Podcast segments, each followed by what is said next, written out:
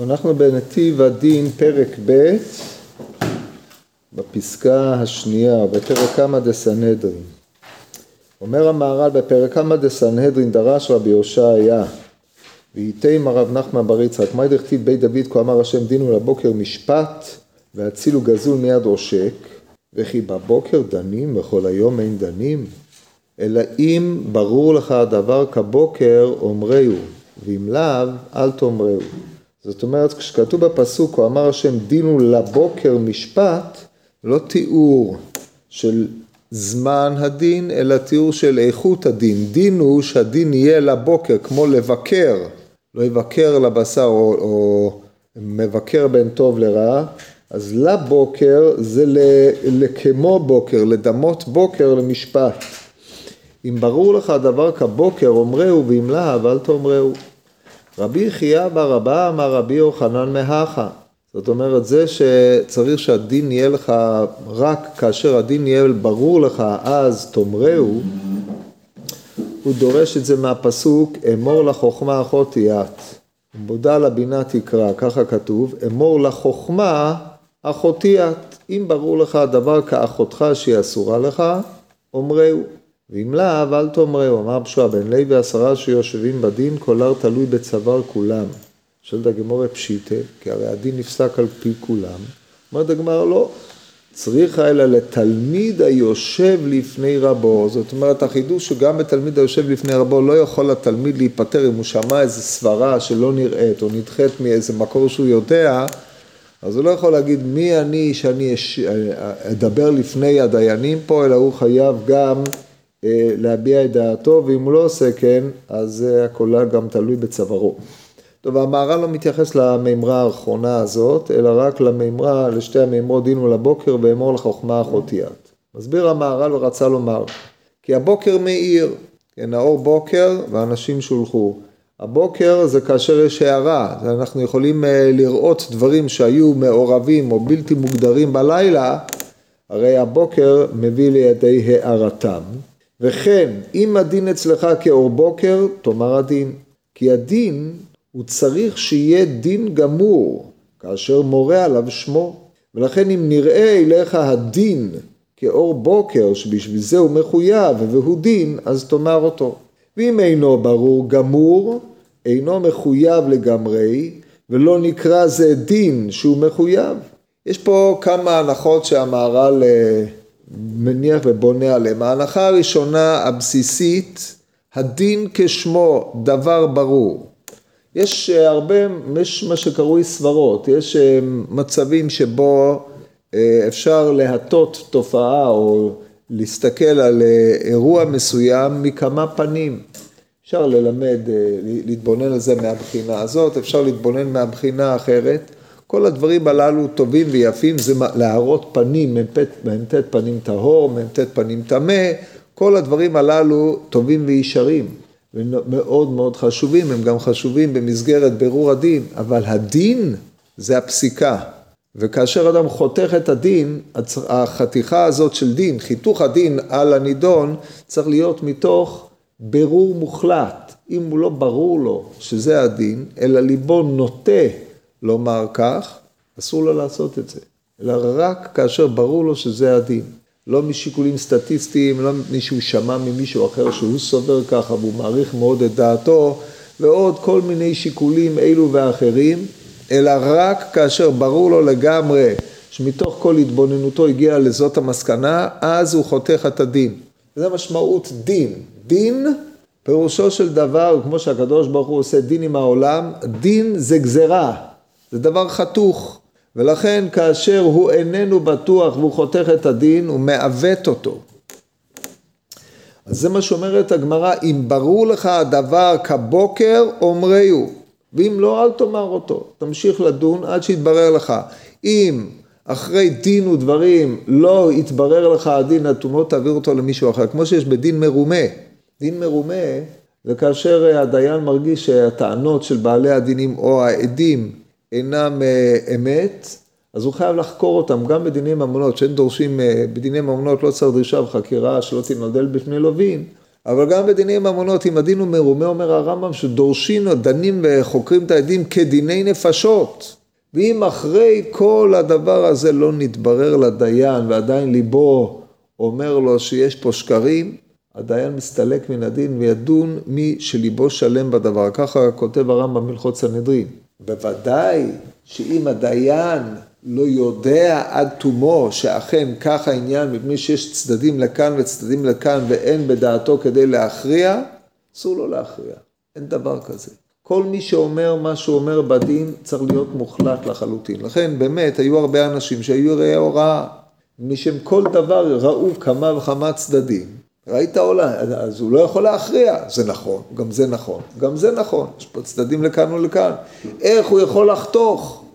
לכן הסגולה הזאת, להיות דיין, היא סגולה שלא כל אחד ניחן בה, יש בה יתרונות, אבל יש בה גם באיזשהו מקום אחריות שהלומד הרגיל, שצריך להציע את הסברות השונות, את דרכי הראשונים, את העמדה הזאת ואת העמדה הזאת, ולברר אותם, אין לו, הלג... אין לו את הפריבילגיה הזאת. הרי כאן פנטון, בספר דרכי הגמרא אומר, שכשאדם לומד, הוא צריך לראות את, להציע את השמועה באופן ששני הצדדים שקולים לחלוטין.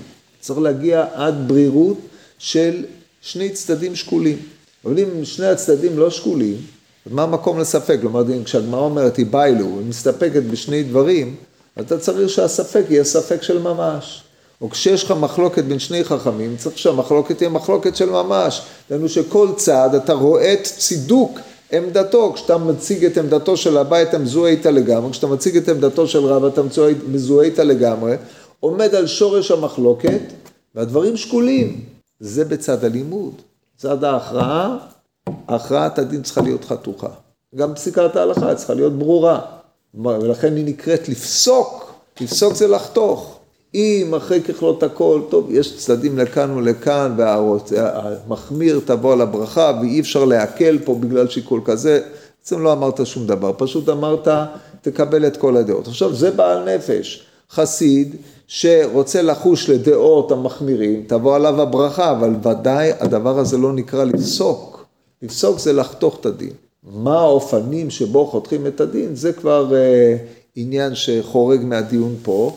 היו כאלה שידעו לעשות את זה, הם נתמנו כדיינים, היו כאלה שלא, הם, הם אמרו על עצמם, שהם לא מסוגלים לעשות את הדבר הזה. למשל, מפורסם בשם רב חיים מבריסק, שאת הפסיקה הוא מסר לרב שמחה זליג, והוא לא היה פוסק את הבעיות בב, ב, ב, בבית, בבית הדין, מפני שהוא, לו מוח כללי, הוא ראה לכל דבר כמה צדדים. ואת ההכרעה הוא נתן למישהו שהיה לו נטייה לפסוק, זה גם נטייה נפשית.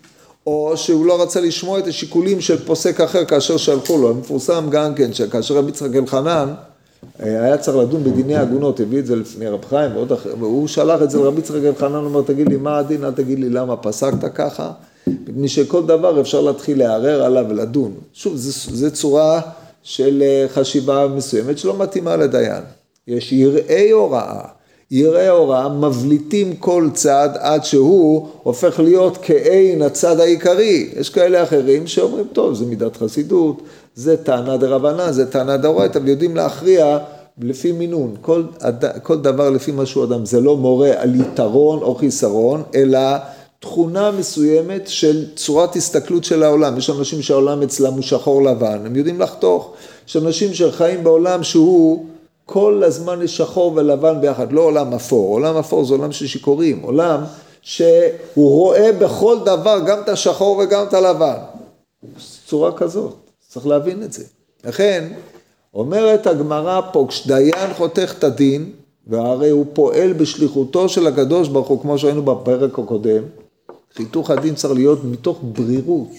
דינו לבוקר משפט. זה, זה מה ש... אומר, אה, אז זה המימרה הראשונה. כללי פסיקה למשל, זה לא ברירות דעת. כללי פסיקה זה לספר. אנחנו מדברים על אירוע שבא לפני האדם. למשל, בדיוק היום קראתי תשובה. שאלו את אה, בשו"ת מהרש הלוי, שאלו אותו בדין חמץ שעבר עליו הפסח, ספינה, קיצור סיפור סוחט דמעות, הבן אדם הגיע עם ספינה מאלכסנדריה מלא חמץ, הגיעה, הספינה הזאת לא יכלה להיכנס לסלוניקי. לא יכלה להיכנס, היו בעיות בים, התעכבה. הוא ירד ב... ירד, הגיע לסלוניקי, זה היה בי"ג אדר, ספינה נתקעה שם באמצע הים. הוא הגיע לסלוניקי עם עוד חבר סוחרים. קיווה שתוך זמן קצר תגיע הספינה, לא הגיע עד ערב פסח, עם כמות עצומה של חמץ, מה הוא עושה?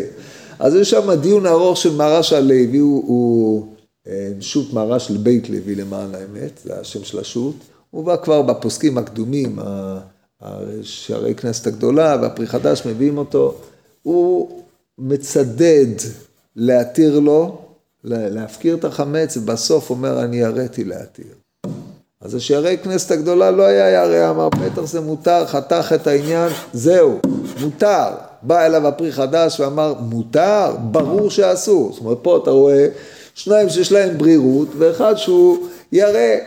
אז יש, שוב, גם אפשר להתרשם, מי שלומד, אה, קורא שו"תים, אתה רואה בשו"תים, יש שו"תים של האנשים, זה ברור, ויש אנשים שלא, למשל יש שו"ת, אה, שערי ציון של רב בן ציון שטרנפלד, וזה ברור כשמש.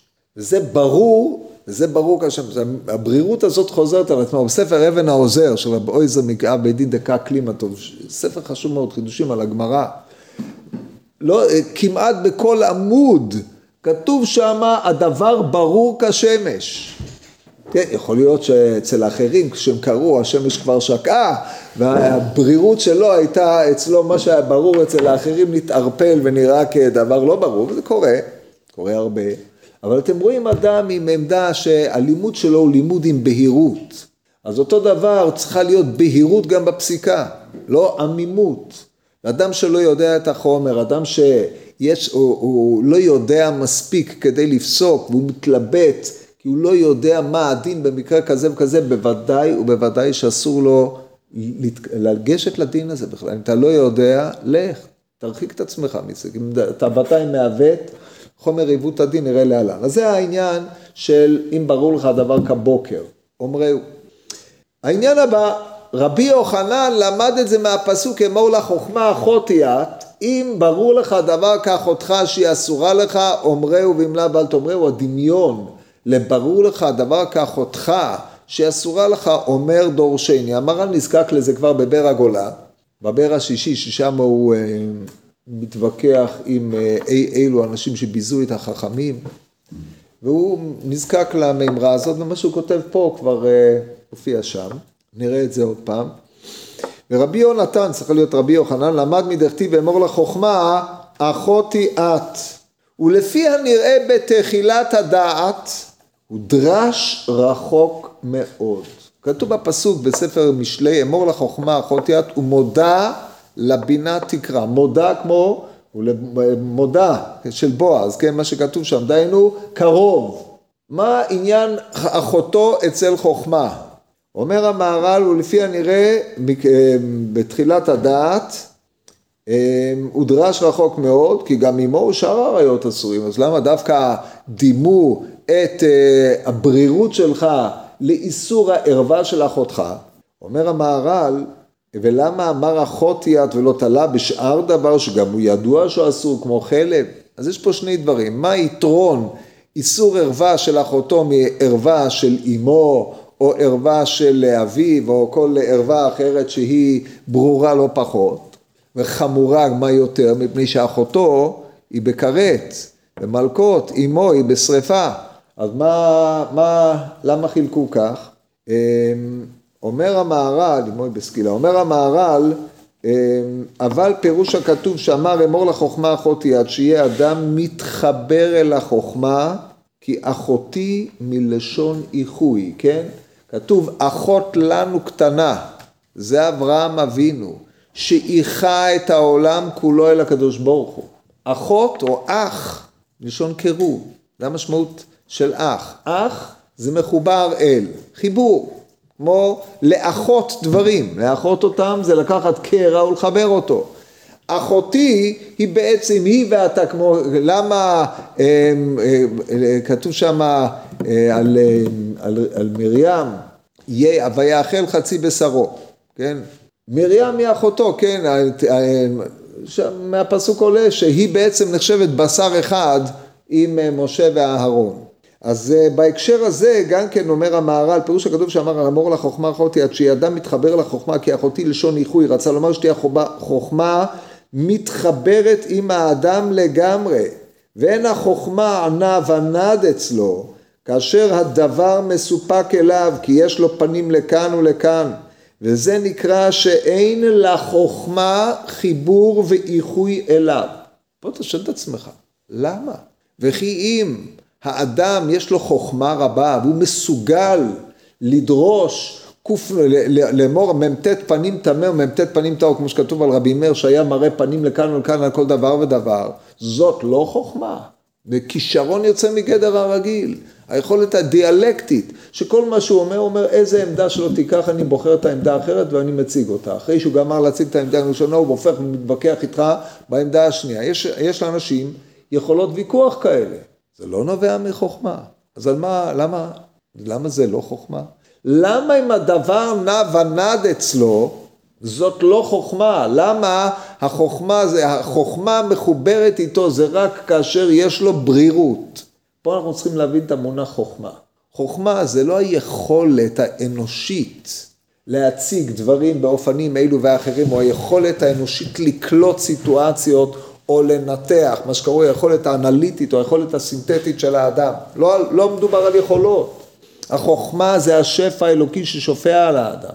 וכששופעת על האדם שפע, נקרא שפע השכלי, כאשר אדם משיג אותו, זאת נקראת החוכמה. עכשיו תשימו לב שהדרשן הראשון שהוא הביא פה רבי יושעיה, דיבר על דין ולבוקר משפט, דהיינו הדין צריך להיות ברור לך. ואילו פה אנחנו מדברים על מושג החוכמה. אם החוכמה ברורה לך, אז תאמר אותה כאחותך שהיא אסורה, דהיינו אם החוכמה מחוברת אליך. אם החוכמה לא מחוברת אליך עונה או נדה, פירושו של דבר שמה ששפע עליך לא נתברר לך כל צורכו. ופה אנחנו יוצאים, חוזרים לעניין שהדין ש, שאדם דן, הוא לא דן מעצמו אחרי ככלות הכל, אלוהים ניצב בעדת אלו, צריך סייעתא דשמיא, ודיברנו על המתינות שצריכה להיות בדין. מפני שאם אדם גוזר את זה במהירות, הרי הוא גוזר את זה מהצד הגשמי שבו. הוא צריך שהדבר הזה יבוא מההיבטים השכליים שבאדם, שהם השפע האלוקי ששופע עליו, ושמאפשר לו לראות נכוחה. וזה האדם צריך לעשות במתינות. אם כן, אמור לחוכמה אחותי, אז זה רק כאשר ברור לו לאדם, א', שזה בא בחוכמה שנתלבשה במוחו והיא ברורה לו לחלוטין. אז הוא מציג היבט אחר, אבל המסקנה היא אותה מסקנה רק אחרי שהחוכמה ברורה לך, אמור אותה. דברי רבי יוחנן הללו נאמרו בכמה וכמה עניינים, לא רק נאמרו ביחס לדין, אבל גם ביחס לדין הדבר נכון. אז זה מה שאומר המהר"ל, אין החוכמה נע ונד אצלו כאשר הדבר מסופק אליו כי יש לו פנים לכאן ולכאן וזה נקרא שאין לחוכמה חיבור ואיחוי אליו הוא מסופק בדבר, פירושו של דבר שעדיין לא האיר עליו אור השכל שמראה לו מה הדבר הנכון פה. אז החוכמה עדיין נעה ונדה, שמה כאן, שמה כאן. וזה פירוש אמור לחוכמה אחותי, עד שיש לאדם לחבר ולאחות החוכמה עמו, ולא תהיה החוכמה נעה ונדה כלל, רק היא ברורה אצלו לגמרי ואין לו ספק בה. ואז היא אחותו, כאשר היא, בר... כאשר היא ברורה היא עמו לגמרי. דהיינו החוכמה מאוחה ומדובקת עמו כאחותו, אז הוא יכול לומר. עכשיו עדיין, טוב אז הסברנו, הוצאנו את המילה אחותו מההקשר הרגיל, אמור לחוכמה אחותי את, הסברנו אותה מלשון איחוי, אבל סוף כל סוף המימה של רבי יוחנן הייתה אם ברורה לך החוכמה כאחותך שהיא ערבה עליך, שהיא אסורה עליך, איפה זה בא לידי ביטוי? זה עדיין לא בא לידי ביטוי, עכשיו המהר"ל יסביר את זה.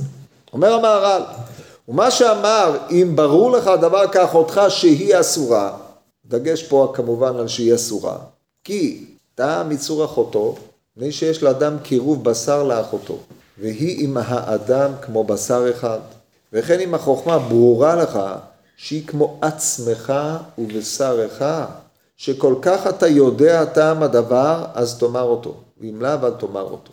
מה ההבדל אם כן בין אחות, אם, אב, בן, בת וכיוצא בדברים האלה, כולם עריות. אבל אב, אם, בן, בת, הם בגדר תולדות. הם לא עצמך ובשרך, זאת אומרת, עצמי ובשרי אתה, כן. הם באו מעצמך ובשרך, אבל הם לא שקולים לך במעמד, או שהם במעמד מעליך ואתה תולדה שלהם, או שהם תולדה שלך ואז אתה במעמד מעליהם. אי אפשר להגיד עצמך ובשרך, לא, לא, זה לא בטן אחד שהולידה אותם.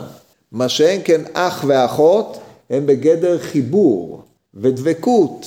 אומרת, אנחנו לא נכנסים עכשיו לשאלה בזיקה הנפשית של האדם לאחותו בפועל, זה לא מעניין אותנו עכשיו, כי אנשים הם אה, נפשות שונות ויש אדם שהוא אה, ביחסים, הוא דומה לאחותו, יש אדם שהוא שונה מאחותו, זה, זה לא מה שמעניין אותנו, אנחנו מדברים על הקונספט, הם בעצם מבשר אחד, מפני שהם יצאו מאותו רחם, לכן הם עניין אחד, כמו תאומים, אלא שזה בא בזה אחר זה, זה המשמעות של המושג אחותי בהקשר הזה. אז אם ברור לך הדבר כאחותך שהיא אסורה לך, וסיבתי אותה אסורה לך מפני שהיא עצמך ובשרך, אז אם החוכמה ברורה לך עד כדי כך שהיא מחוברת איתך כעצמך ובשרך, שזה מעין איסור האחות, אומרהו. עכשיו תדעו לכם שהבעיה של אח ואחות, או ערוות אחות, היא אה, בעיה גדולה. פה תראו את החוכמה של החכמים.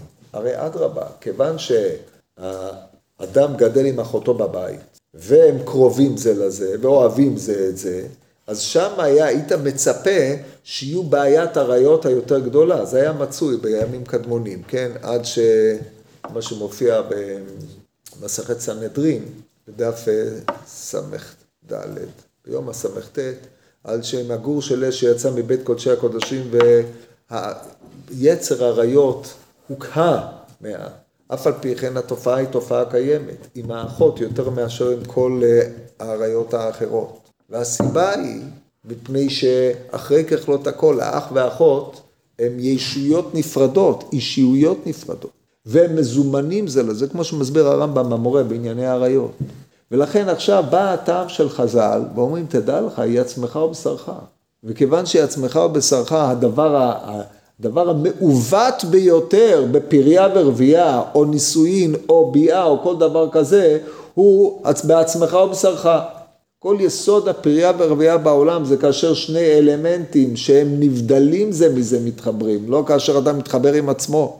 עכשיו החוכמה של הדבר הזה הוא דווקא לאחות, ששם זימון העריה, הערווה הוא הגדול מכולם, דווקא היא קרויה עצמך ובשרך.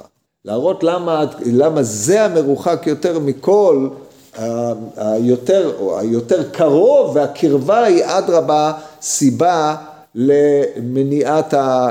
לאיסור האריות ומה שכרוך בעניין הזה. אז זה מה שצריך להוסיף פה לדברי המהר"ל כדי להבין את הדברים. וכן החוכמה ברורה לך שהיא כמו עצמך ובשרך, שכל כך אתה יודע טעם הדבר, אז תאמר אותו, ואם לאו אל תאמר אותו. וכל זה מפני כי נקרא משפט ודין, כאשר הוא דין גמור ומחויב. זאת אומרת, משפט ודין זאת מציאות חתוכה, שאתה צריך ליישם אותה. הדבר הזה נתון לך, זאת אומרת, כאשר ברור לך, ותחשבו על האופן הבא, כאשר אתה יודע שזה הדין, פירושו של דבר שאתה יודע שזה הרצון האלוקי שככה העולם יונהג במקרה הזה, אתה חייב לחתוך אותו עליו. אם אתה לא חותך אותו עליו, אתה מונע דין. מאידך גיסא, אם אתה חותך דבר שהוא לא ברור לך, בשם הברירות, יש פה שקר, עיוות, כמו שעד מעיד עדות שקר, הוא גורם לדיין לחתוך דין שקר, הוא מעוות מציאות. בשם, וזה כביכול הוא מעוות את הדין בשם בעל הדין, בשם הקדוש ברוך הוא. הדבר הזה הוא שקר נוראי, זה דבר נורא ואיום. כמו שנראה תכף בפסקה הבאה. על כל פנים, הדין או המשפט בהקשר הזה, והסברנו בפעם שעברה שיש שלוש משמעויות למונח משפט, אחד מהם זה פסיקת הדין, זה משמעות המשפט. הדבר הזה הוא דבר שצריך להיות ברור לחלוטין. ולכן הוא צריך להיות, כי הוא אה, ברור יותר עד שאין ספק בו, יאמר אותו, כי אז הוא נקרא דין ומשפט מחויב, אבל אם אין הדבר ברור, אינו משפט גמור ומחויב, הדגש פה על המילה מחויב, ככה צריך להיות. וזה מבואר. טוב, עכשיו עובר המהר"ל לדון בשאלה מה קורה כאשר יש עיוות לדין. פה דברים חמורים מאוד. בפרק במה מדליקין אומרת הגמורה בעוון עינוי דין. עינוי דין זה כאשר לא פוסקים את הדין אלא משהים את הדין. קלקול דין, ביטול תורה, שימו לב לצירוף בין ביטול תורה לבין בעיית הדין, שלכאורה על פניו הם שני עניינים שהם אין להם נקודת חיבור בפשיטות. חרב וביזה רבה ודבר ובצורת בה, ובני אדם אוכלים ואינם שבעים, ואוכלים לחמם במשקל, דכתיב בביתי עליכם חרב נוקמת נקם ברית, וכתיב בשברי לכם מטה לחם ואפו עשר נשים, וכו'. ואין ברית אלא תורה שנאמרם לא ביתי יומם ולילה חוקות שמיים וארץ לא שמתי וכתיב יען וביען במשפטי מאסו עד כאן הגמרא. יש פה דברים חמורים ביותר תשימו לב על העונשים הבאים חרב וביזה רבה ביזה רבה מצטרף כמובן לחרב. היינו כאשר אויב בא עליך הורג ובוזז. הדבר השני הוא דבר. דבר מתורגם באונקלוס מוט מוות. דבר זה מוות זה מחלת מוות הדבר השלישי, בצורת. בצורת משמעו רעב. ובני אדם אוכלים ואינם שבעים ואוכלים לחמם במשקל. עכשיו, ביזה רבה גם יכול להתפרש כשבי, כמו שנראה תכף. טוב, עכשיו אומר המהר"ל פירוש, כי החוטא בדין ובמשפט הוא חוטא בדבר שכלי. כי הדין הוא דבר שכלי וכן ביטול תורה הוא דבר שכלי, לפיכך כולו איתנהו בי, דהיינו חרב וביזה שבי ודבר ומפרש אם כן ביזה, חרב וביזה, דהיינו שבי, והסוגריים על הדהיינו אין להם מקום, וחרב וביזה זה חרב ושבי, ודבר ורעב. אילו דברים הם כוללים כל הפורענויות והם אשר נזכרים בכתוב. כן, פה המהר"ל לא ציטט את הכתוב בצורה מדויקת, זה מופיע בספר ירמיהו בפרק ט"ו, פסוק ב', כתוב אשר למוות למוות, ואשר לחרב לחרב, ואשר לרעב לרעב, ואשר לשבי לשבי. ארבע שפתי הרעים. ככה כתוב. מוות זה דבר. חרב, רעב, אה, רעב ושבי. אלה ארבע השפטים הרעים, הם נקראים שפטים כוללים. אומר המהר"ל, אילו ארבע הם כוללים כל הפורענויות. כאשר ידוע מן הדבר והחרב והרעב והשבי. אה, כתוב פן, אה, כתוב אצל משה רבינו, אה, איך כתוב שם, פן יכנו בדבר או בחרב, זה דבר וחרב, דבר וחרב מופיעים תמיד ביחד, רעב ושבי שבי, שבי חמור מכולם, כמו שאומרת הגמרא בבבא בתרא, כי הכל כלול בשבי, ורעב זה מביא את כל המוות, מחלות, כל מה שיש. וכאשר הוא חוטא בדבר שהוא שכלי כמו הדין, כמו שהוא הדין השכלי אינו חלק, כמו שביארנו למעלה גם כן, לפיכך על הדברים האלו בא לעולם כל הפורענויות שהם נכללים באלו ארבע. פה צריך להסביר את העניינים הללו, זה מושגים שחוזרים אצל המהר"ל הרבה, הדין הוא שכלי והתורה היא שכלית. מה זה אומר? מה משמעות דבר שכלי? דבר שכלי הוא לא דבר שמתחלק. דבר גשמי יש לו חלקים. דבר שכלי זה חלול. הדין, כשאדם מעוות דין, הוא מעוות את ההנהגה האלוקית בעולם שהיא הנהגה אחת. היא איננה מתחלקת לחלקים. כמו כל דבר מופשט רוחני הוא לא בר חלקים. אולי אתה משיג אותו קמעה קמעה, אבל בעיקר חלוטו הוא חל כאחד. ואם אתה מעוות אותו ומונע את חלוטו של הדין על ידי קלקולו, על ידי עינויו, אתה מבטל את התורה, אתה מבטל את החיבור הצורני הנאות של העולם אל העולם, אז העולם מתעוות. תחשבו על זה באופן הבא. לפי מושגי הקדמונים, כל המציאות בנויה בחותם החומר והצורה. המהר"ל משתמש בזה הרבה, זה מודל אה, יווני, אבל אה, אומץ על ידי כל חכמי ישראל בווריאציות אלה ואחרות. כאשר החומר מציין את מקבל, ההש... מקבל ההשפעה והצורה טובעת בו את ההשפעה, את המימוש של אותו חומר. במקרה שהצורה לא חלה עליו, אז ההיעדר חל, כן? זה מודל מהר"לי קבוע, שאם הצורה שהיא השלמת החומר איננה חלה או, נבד... או לא קיימת, לא, לא, לא נבדלת ממנו, מפני שהצורה תמיד היא נבדלת, צורה רוחנית תמיד נבדלת, אלא היא משפיעה ומעצבת את החומר. אבל אם הצורה לא נתאפשר לצורה לחול, אז תופס את מקומה ההיעדר. זה המודל. ממילא המהר"ל אומר פה כך, הדין, שזאת ההנהגה האלוקית כדי להקנות לעולם את צורתו הנאותה, כאשר הוא מקולקל ונמנעת חלוטו, ממילא החומר מתעוות, והעיוות מביא לידי כך שכל השפטים הרעים הכוללים באים, הם באים בזה אחר זה, באים בבת אחת, זה לא משנה, אבל כל חלקי המציאות, שהם תמיד מחולקים לארבע, אם אנחנו תופסים את המציאות כאיזשהו מישור, אז בכל הממדים המציאות מתקלקלת. הדין שומר על המציאות כהווייתה. ברגע שאין דין, אנדרלמוסיה באה לעולם והורגת טובים ורעים. האנדרלמוסיה שבאה לעולם באה לידי ביטוי בכל השפטים הכוללים הרעים. פה אומר המהר"ל, שוב, הדין הוא כולל ולכן היעדרו מביא אנדרלמוסיה כוללת בשפטים אלו ואחרים, כן? אז זו הטענה שלו הראשונה, והוא הדין לגבי התורה כמו שתכף נראה.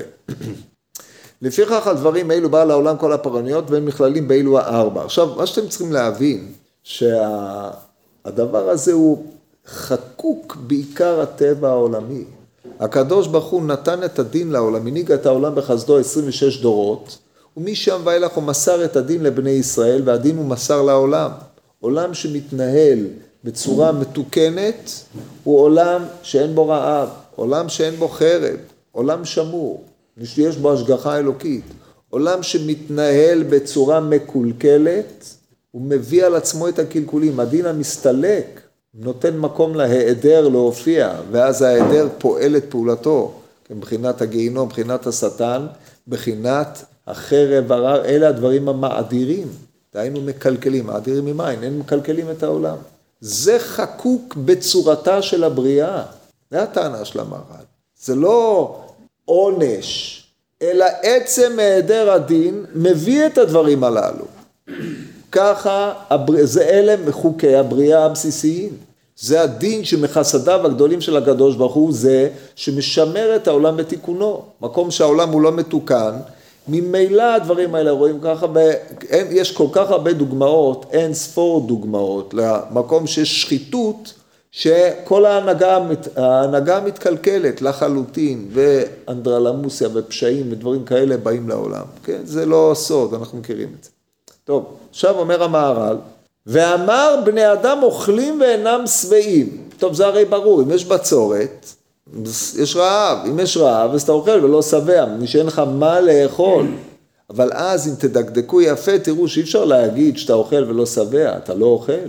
אוכל ולא שבע פירושו של דבר שגם כשאתה אוכל, תמיד יהיה לך חיסרון, בבחינת בטן רשעים תחסר, לא תגיע לשביעה. עכשיו כמובן השביעה זה כמו, יש צדיק אוכל לשובע נפשו.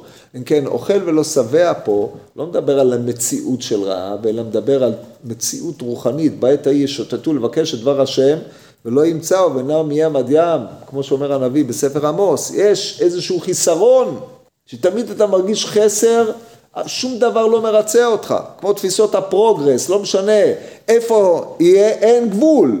כל דבר, תמיד האנרכיה, התפיסות האנרכיסטיות, הם כאלה.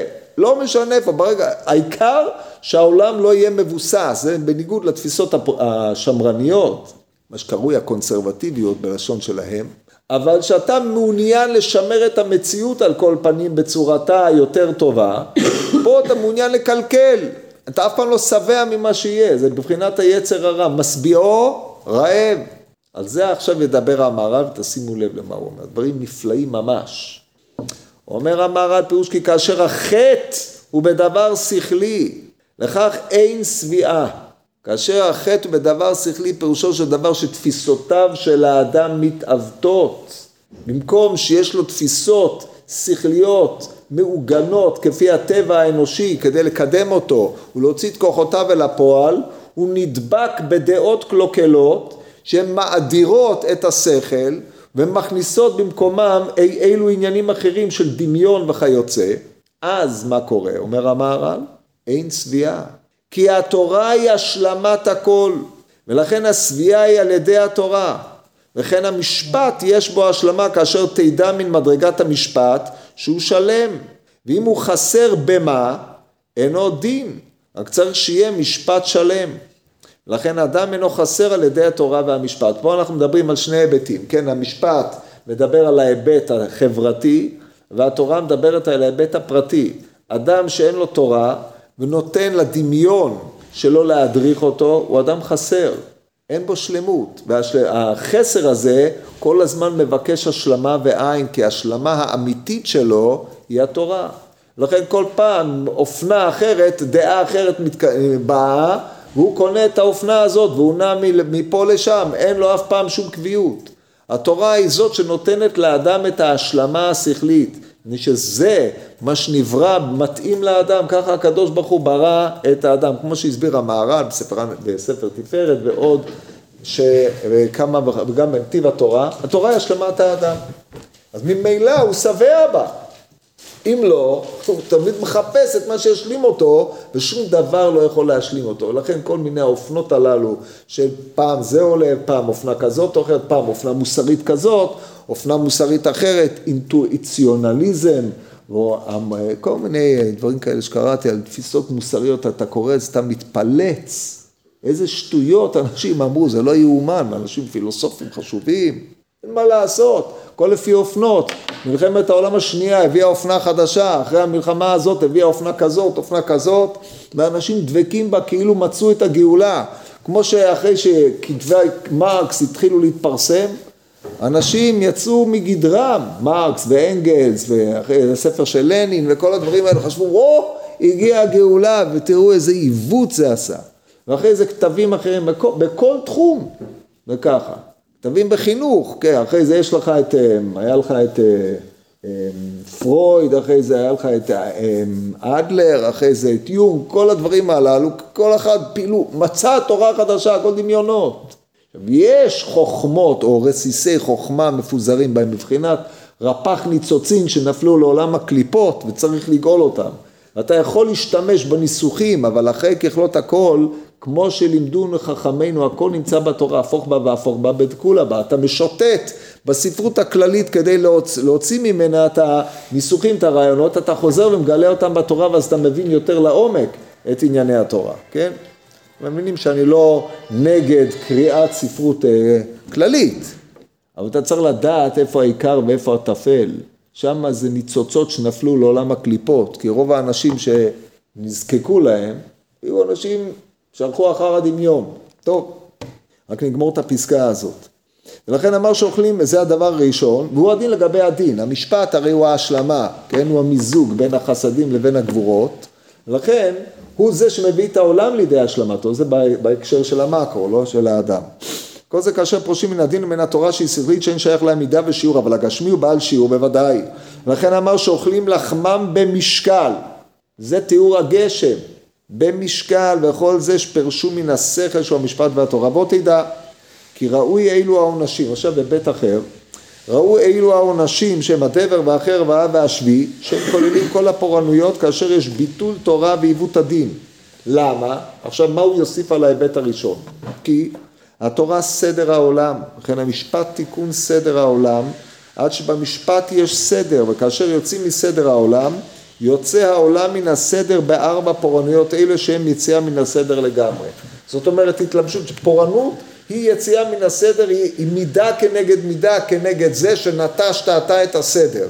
זה קרוב למה שאמרנו קודם לכן, אלא שקודם לכן הסברנו על חוסר ההתאמה, אם העולם לא מקבל את ההשלמה השכלית שלו, הוא נוטה לדברים אחרים, או היעדר שולט בו, ופה מידה כנגד מידה. מי שיוצא מן הסדר, אז בא אליו דבר שהוא עצמו בגדר דבר שהוא היעדר הסדר.